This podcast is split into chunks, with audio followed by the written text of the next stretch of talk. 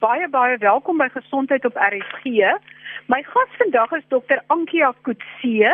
Sy's 'n endokrinoloog verbonde aan die Tygerberg Hospitaal en die Universiteit van Stellenbosch, maar sy's ook president van SEMSA.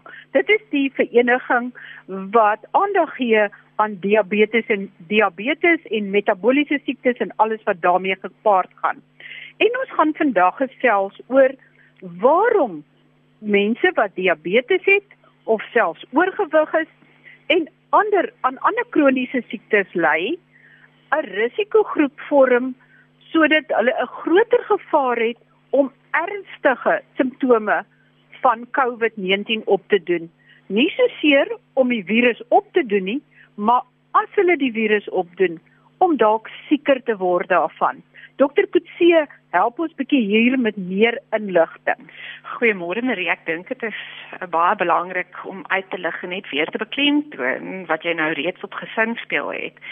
Jy weet, daar is 'n verwantskap tussen diabetes en die nuwe COVID-19 virus, maar daar's 'n groot verskil tussen die vatbaarheid vir die virus wat wat ons nie dink daar enigsins 'n verskil is tussen mense wat diabetes of ander kroniese siektes het nie en 'n mens moet diferensieer tussen komplikasies daarvan soos wat jy geregtig uitgewys het. Jy weet dat mense wat wel onderliggende ander siekte toestande het 'n groter risiko vir ernstige COVID siekte het, maar nie noodwendig 'n groter risiko as hulle die ehm um, jy weet al die standaard dinge doen om die siekte op te doen nie en dat dit ook belangrik is dat as mense aan diabetes ly of hipertensie het of enige van die ander risikogroepe uh risikosiektes behoort dat hulle net so hulle siekte so goed as moontlik moet monitor en beheer. Ja, maar die, oor die algemeen weet ons jy weet dat dat mense met diabetes byvoorbeeld um 'n baie baie meer geneig is om bakterieële infeksies te kry. Nou dit is 'n bietjie moeiliker in virusse en ons het nog nie genoeg data met die huidige virus, jy weet, om om dit te substansieer en te sê perfekte glisemiese beheer gaan tot beter uitkomste lei nie. Maar ons baseer hierdie advies, jy weet, op al ons ondervinding met ander siektes en ons neem aan dat beter beheer sal gepaard gaan met 'n beter uitkoms in in hierdie pasiënte, jy weet, en die graad van die siekte sal moontlik verminder verminder word deur seker te maak dat jy al jou ander siektes goed genoeg aanspreek. En ons dink regtig dis 'n geleentheid um, vir baie pasiënte, jy weet, om beter beheer te kry en dit is verseker in hulle beste belang ongeag van die huidige virus om die siekte toestand onderliggend so goed as moontlik te beheer. En uh, is julle nie bekommerd daaroor dat ek weet baie van die klinieke ja. vir kroniese siektes om dit te monitor is nie op die oomblik oop by groot hospitale, veral ja. provinsiale of staatshospitale nie. Ja. En dat ehm um, en dat dan is daar mos 'n kans dat van hierdie pasiënte se siektes nie so goed gekontroleer gaan wees nie. Ja. Maar ek dink um, in plaas van om aan aan diabetes te dink aan 'n siekte wat deur 'n dokter of deur 'n gesondheidswerker beheer word, is dit eintlik 'n siekte wat die beste deur die persoon wat daaraan ly beheer kan word. En ek dink weer eens is 'n geleentheid om ons pasiënte te empower, as ek Engelse woord kan gebruik, om alles wat hulle in hulle vermoë te kan doen wat nie noodwendig direkte kontak met 'n gesondheidswerker benodig nie. Rutine besoeke soos vol rutine oogsoetse, jy weet rutine voet evaluasies en vir spesifiek in diabetiese pasiënte is nie nou deel van die prioriteit nie, maar ek dink ook nie 'n mens moet na die ander kant toe gaan en sê die glisemiese beheer of die bloeddrukbeheer is nie deel van die prioriteit nie. Dis absoluut deel van van wat ons moet doen, maar ons moet net in Suid-Afrika maak 'n boer mos maar 'n plan, so ons moet maar net 'n manier kry om wel 'n bydrae te maak, maar dit hoef nie noodwendig deur persoonlike kontak te wees nie. Ons byvoorbeeld ehm um, van ons mediese spesialiste hierso bel ons pasiënte wat sou moes kom vir afsprake, adviseer hulle op grond van van hulle glisemiese en hulle suikerbeheer. Ons gaan aan om met die voorskrifte en die medisyne aanpassings te maak al sien ons nie die pasiënt noodwendig in persoon nie.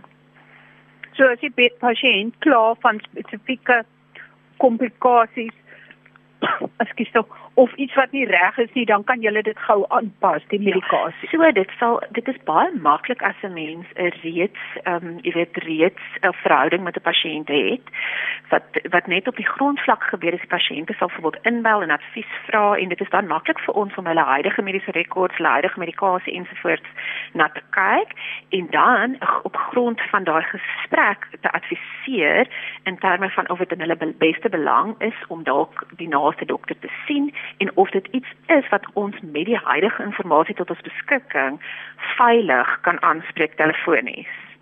Daar's ongelukkig is daar nie 'n one size fits all tipe beginsel nie want want daar is maar variasies en dit hang af van die pasiënt se ander komplikasies ensovoorts ensovoorts. Maar elke geval moet geëvalueer word en dit kan telefonies gebeur om dan advies te kan gee oor of 'n mens dink jy moet die dokter fisies self raadpleeg en of 'n mens dit kan aanspreek jy weet met telekommunikasie. So ek wil dit net soort van mm. duidelik net seker ja. maak daarvan. Is dit met ander woorde iemand wat diabetes het, sy ja. immuunstelsel is nie ja. verswak ja. nie of is dit? Marie Jong, jy vra goeters wat wat baie baie baie moeilik is. Um, Spesifiek ons weet dat die immuunstelsel in mense met diabetes anders is ehm um, ek ehm um, jy weet as ek dit sou kan stel in vergelyking met mense wat nie diabetes het nie. So daar's meer van 'n wanbalans en ons weet spesifiek daar's genoeg bewyse dat bakterieële infeksies hulle erger kry en dat dit 'n direkte verwantskap het met die graad van die abnormale suikerkontrole. 'n mens se liggaam veg virale infeksies anders as wat ons bakterieële infeksies doen, maar 'n groot probleem met die virale infeksies wat 'n mens kry, is dat mense dalk sekondêre bakterieële infeksies kry omdat daai virale infeksie hulle dan nog meer vatbaar maak vir bakterieële infeksie as ons dink aan goedjies soos virusse soos influenza byvoorbeeld, ons weet dat mense met influenza partykeer doodgaan aan 'n bakterieële pneumonie, maar dat die die die die die ek probeer nou dink 'n goeie Afrikaanse woord maar aan dat die port of entry die virale infeksie was. Ja, maar omdat so. die virus dan in die longe beland het en daar vogtigheid is en dan maak dit die hele stelsel goed ideaal vir nog bakterieë om ja. daar te groei. Ja, presies. Jy weet, so as ons 'n virusinfeksie, so ons baseer van baie van ons advies baseer ons op daai beginsel. Daar is nog nie genoeg data in die COVID-19 pandemie boonbehalwe om vir ons te wys dat mense met diabetes die siekte in in in China en in Italië en in Amerika baie erger kan kry as hulle dit het. Jy weet dat die komplikasie ehm um, ehm um, baie komplikasies baie meer is in daai hoedanigheid nie. So ons baseer dit op basiese beginsels, maar ons het nie 100% data wat ek vir kan sê goeie data is soos wat hierdie virus so vinnig op ons neergedaal het, is daar nog nie genoeg data om dit, jy weet, op papier te sit en te sê dit is wet nie. Goed.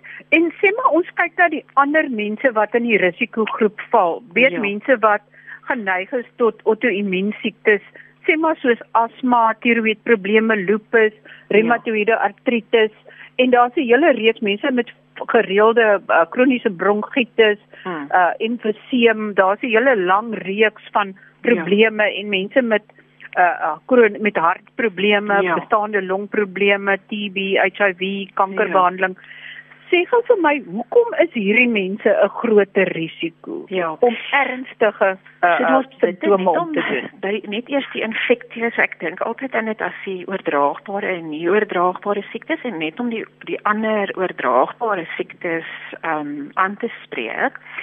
Ja. Een van die groot redes hoekom Suid-Afrika die maatreëls tans het wat ons het, is omdat ons in vergelyking met die ander wêrelddele wat reeds die COVID-19 pandemiese pieke bereik het, het ons 'n baie groter vatbare groep as gevolg van die prevalensie van die ander oordraagbare siektes soos jy genoem het, tuberkulose, HIV ensovoorts.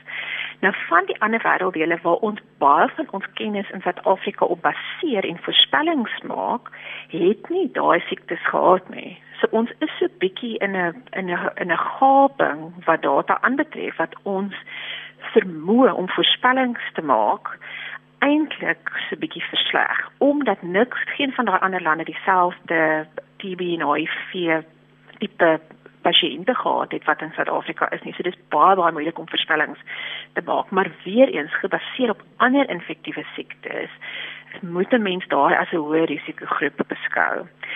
Om nou terug te kom na die ander nie oordraagbare siektes waarvan jy gepraat het, dit is nou die asma, die hoë bloeddruk, die obesiteit. Ek weet nie of ons ouderdom as 'n siekte kan kan bysit nie, maar volgens al die ander data wat ons van al hierdie ander lande kry, lyk dit of hoe meer siektes jy het, hoe swakker jou uitkoms. So gestel iemand um, beland in die ICU met hipertensie, obesiteit, diabetes en hulle is 'n sekere ouderdom is hulle risiko om te oorleef baie laer as die persoon wat daar beland van 'n jong ouderdom wat geen van daai risikofaktore het nie. En dit lyk of dit kumulatief is. So om vir byvoorbeeld 'n idee te gee, dit lyk asof maar mense moet altyd dink, jy weet, wat is die die die bydraende faktore? So gestel jy dink aan iemand met hipertensie en diabetes, dit is gewoonlik 'n ouer persoon wat daai tipe goedjies um, komorbiditeite bykry, maar dit lyk of daai siekte boonbehalwe die ouderdom, so die asma, diabetes ens ens 'n assosiasie het met 'n swakker uitkoms. Maar is dit omdat mense 'n swakker immuunstelsel het of wat omdat die immuunstelsel ooreageer? Wat is die onderliggende rede hoekom mense dan erger sieker kan word. Sjoe, Marie, jy vra vir my 'n vraag wat ons die Nobelprys gaan laat wen. Daar's baie spekulasie. Ehm um, ons dink daaraan ek as ek net die analogie kan gebruik van hoekom ons dink kinders nie so vatbaar is vir die erge siekte nie. Ehm um, ons as mens dink aan jou immuunstelsel het ons die die immuunstelsel wat jy outomaties het waarmee jy gebore is en in Engels noem ons dit innate immunity en dan soos wat jy ouer word kry jy wat ons noem die adaptive immunity. Nou as jou longe byvoorbeeld vernietig word in die konteks van die COVID-19 virus, dink ons dit gebeur as gevolg van 'n verhoogde innate immunity. Nou in kinders is dit nie so goed ontwikkel nie. En ons dink dit is hoekom hulle liggaam nie daai respons teen homself het as hulle met die infeksie ehm um, jy weet blootgestel word nie maar dit is 'n baie komplekse situasie en daar is nie 'n antwoord wat jy weet wat van toepassing is as 'n sambreel ehm um, jy weet oorsaak onder al hierdie siektes wat hulle in gemeen het nê. Nee. So jy kan mens nie vooraf voorspel. Mens jy kan sê hierdie mense kan dalk sieker word as hulle die uh, COVID die virus ja. kry, maar mens kan nie sê definitief nie. Dit is dit is nog steeds 'n raaiskoot, maar uh, hoe hoe weet mens is daar enige iets wat mens kan sê ehm um, jy kan nie kan mens voorspel of die een gaan siek word of nie of die een asymptomaties gaan bly? Ja ek dink dit is wat baie van die angs veroorsaak beide in jy weet in dokters en gesondheidswerkers en in pasiënte. Dit dit is nie asof ons kan sê dit gaan noodwendig so met jou gebeur nie. En dit daar hang, dit hang af van persoon tot persoon. Ons weet daar is vir ons kan voorspellings maak op grond van jou komorbiditeit, die siekte, maar daar's mense wat baie komorbiditeit het wat dalk die siekte wen daar's ander mense wat nie komorbiditeit het nie en ek het 'n regtig interessante artikel gelees van van Amerika of wat hulle sê dis die Russian roulette van van ons daai huidige tye dat dat die beste ding is maar om nie die siekte te kry nie want ons kan nie met absolute sekerheid en enige persoon voorspel hoe erg hy dit gaan kry as hy dit kry nie maar ons weet dat hoe meer ander siektes jy het hoe hoër die waarskynlikheid dat jy dit slegter gaan kry. Goed. Mens uh, mens kan ook selfs kyk na van ehm um, mense wat jy reeds mee te doen gehad het, ehm um, wat uh, positief getoets het maar baie min simptome of glad nie simptome het nie. Ja, nee, verseker daar is sekerlik kollegas ehm um, wat, wat positief getoets het wat wat geen simptome het nie, wat net getoets is omdat hulle 'n hoë risiko um blootstelling gehad het en dit is wat dit so jy weet so belangrik maak dat ons almal ons voorsorgmaatreëls tref want jy kan dalk 'n asymptomatiese draer wees en jy kan ander mense infekteer. So ek dink ons almal moet uitgaan met die gedagte dat ek het dit, hoe gaan ek keer dat ek dit sprei? En ek dink dan sal die impak van hierdie siekte baie baie baie baie minder wees. Maar soos jy geregtig sê, weet ons voel dink ook dat mense met diabetes byvoorbeeld as gevolg van 'n wanbalans in hulle immuunstelsel dalk vir langer asymptomaties kan wees. Um, maar dit dit bly spekulasie in die in die mediese grond. Daar's nie daar's nie 100% 'n navorsing wat wat daai sal kan staaf heidaglik nie. En uh, ek het onlangs 'n artikel gelees dat uh, dat hulle veral onder jonger mense wat baie min simptome het of glad nie simptome het nie, skielik kom die jong mens in met 'n beroerte as gevolg van 'n stolsel in die brein. Ehm um, Ja. Is dit word dit verbind met ja. met COVID? Die Amerikaanse dokters verbind dit met COVID, maar ja. Jy kan mens dit voorstel. Soos wat ons meer en meer begin leer van COVID, gaan ons agterkom dat gesond of jy weet dat orgaanstelsels wat ons vroeër nie aangedink het in terme van virale infeksies nie, verseker ook geaffekteer word. Jy noem die neurologiese stelsel en onder kollegas waarmee ek informele gesprekke gehad het wat in die neurologiese veld is, substansieer hulle daai vrese om om wel te sê dat dit lyk of jong persone sonder enige ander siekte wat hulle predisponeer tot stolsels wel as gevolg van COVID stolsels jy weet in die brein sal dit dan nou 'n beroerte veroorsaak byvoorbeeld. Maar ook ander infeksies um jy weet uh, in die brein. Dit is nie noodwendig gestolsel te wees nie of daar definitief 'n assosiasie is. En dan ook die velaantasting wat wat wat al hoe meer, jy weet, um, in die oudheid sou ons gedink het dit is dalk net 'n gewone veluitslag, maar nou met die assosiasies wat aan die klok gehang word met die koronavirus, kan ons sien dat seker veluitslag ook geassosieer word daarmee. So so verseker enige orgaanstelsel, daar's nie een orgaanstelsel wat ons nou nog nog nie van van bewus is wat ongeaffekteer bly nie. Maar aan die ander kant bly die sterfte syfer nog steeds baie laag. Ja. En as ek gaan kyk na artikels deur dokters, deur medisy en nie so seer net op die hoofstroom media of ja. wat deur 'n uh, 'n uh, uh, uh, pseudo wetenskap is nie. Dan is daar twee groepe. Die een redeneer dat die dat die virus, dat die sterfte so laag is dat hierdie inperkings eintlik laf is Hmm. En dat ons net moet doodgewoon aangaan met ons lewe en daar sal 'n sekere persentasie siek word en doodgaan, hmm. maar dit is nie naaste by so erg is en al hierdie inperkings en stappe verg nie en dat dit hmm. eintlik in hierdie geval die gesonde mense is wat geïsoleer word in plek van die siekes. Hmm. En dan is daar die ander groep wat weer sê dat die sterfte syfer veel hoër is omdat daar voorheen nie 'n aanmerking geneem is dat baie mense wat sonder simptome het ook skielik net ineengestort het en waarskynlik ook aan COVID dood is. Ja. Maar ek ehm um, jy weet die COVID presenteer nie noodwendig net met respiratoriese simptome nie, en soos wat jy nou ook aangeraak het, die groot hoeveelheid mense wat asymptomaties is. Die probleem is as ons eendag met verantwoording doen, sal ons eerder verantwoording doen dat ons te erge maatreëls getref het. Ehm um, want hierdie ding het verseker die vermoë om die mees ehm um, jy weet elite gesondheidstelsels in die wêreld en ek praat ook nie van sekulêre media nie te te oorweldig. In Amerika alleen is die mortaliteit van gesondheidswerkers hoog en dis hulle wat die meeste blootgestel word, jy weet aan die virus. So ek hoor dat jy sê daar is baie spekulasie die kant en daai kant, maar laat ons eerder aangekla word dat ons te erge maatreëls getref het. En um en dan die mees kwesbare mense in ons populasie beskerm al is ons self gesond. Dit is maar die basiese jy weet beginsel waarop waarop hierdie um, of sover ons dink ons is gesond want jy weet ons kan nie almal toets nie as wat ons dink nee die maatreëls is nie nodig nie en en iemand naby aan jou kry dit en is dalk nie so gelukkig nie en ons kan nie voorspel of hulle gelukkig gaan wees of nie want jy weet as gevolg van die variasie van die die manifestasies van hierdie siektes is wat ons oor gepraat het. So so ek is so met daai kamp van laat ons eerder ehm um, eerder oorversigtig wees en jammer is oor oorversigtig as wat ons jammer is oor onderversigtig.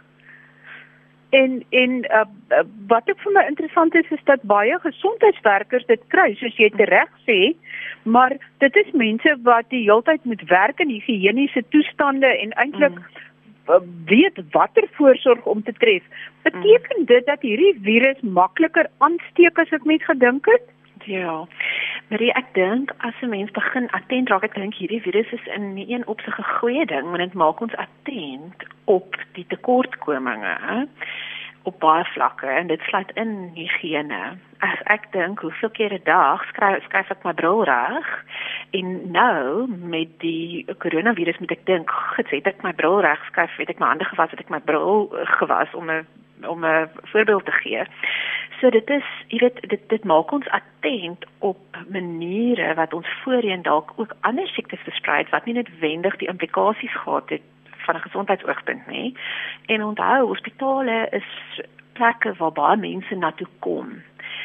So baie dokters word meer noodwendig en susters en ander gesondheidswerkers word blootgestel waar jy dalk aan een persoon blootgestel sou wees met die virus, is die blootstellingsfaktor baie meer want waar toe kom mense as hulle siek is, jy weet na hospitaal toe. So daar's verseker spekulasie oor die blootstellingsrisiko en ek dink jy weet as jy dink aan aan voorsorgmaatreëls daar's daar's daar's baie gaatjies in die stelsel en as 'n mens jou eie dag, jy weet net evalueer soos ek nou net vir jou gesê het, begin mense agterkom selfs met die beste ehm um, jy weet voorsorgmaatreëls en die personal protective equipment soos wat hulle sê, as ek nog steeds nie my hande gaan was nie, gaan daar nog steeds 'n risiko wees vir my om die virus te sprei aan iemand. Byvoorbeeld, jy weet handvatsels van diere. Ehm um, dit dit dit werk nog al 'n lig op op die die gebreke in in in mense alledaagse lewe. Nie net vir die hospitaal nie, maar by die huis ook. Ja, inderdaad. Dokter Kutsie, ek wil net terugkom na waar ons begin het, diabetes en obesiteit. Mm. Hoe maak obesiteit dat jy uh, dalk seker kan word as skraler mense. Ja. Dit is uh, ook 'n interessante ehm um, fenomeen. So ons weet, ehm um, mense wat obese is, het baie keer ander komorbiditeite, soos hoë bloeddruk, ehm um, diabetes ensovoorts ensovoorts. Ons weet ook dat mense wat obese is, 'n wanbalans het in hulle immuunstelsel, ongeag of hulle diabetes het of nie. En as ons praat van obesiteit, dan dink ons aan die oorvleeling met die metabooliese sindroom. Ehm um, ons weet ook dat mense wat obese is, dalk nie noodwendig so baie beweeg soos mense wat nie obese is nie vir verskeie redes en dit kan hulle ook tot bloedklonte ensovoorts ehm um, jy weet of hulle vatbaar maak vir bloedklonte ensovoorts. Ehm um, in terme van as iemand byvoorbeeld op 'n respirator gekoppel moet word vir 'n longinfeksie ehm um, en hulle het obesiteit, is daar meganiese probleme wat wat ook ter sprake kom soos om byvoorbeeld die volledige longvolume ehm um, drukke te kry wat jy moet kry met die respirator want jy weet jy het 'n teendruk die die prosedure is elke liewe prosedure in 'n pasiënt wat obese is selfs byvoorbeeld om 'n drup op te sit is moeiliker en stel beide die persoon wat die drup op sit en die die die persoon wat obese is bloot aan potensieel meer ander infeksies. Ehm um, ja, so dit is dit is multifaktorieel. Ehm um, en dit dit is nie net die obesiteit per se nie, maar dit is die feit dat die prosedures en die mediese prosedures en die respirasie nog addisionele komplikasies en moeilikheid graad ehm um, intensifiseer.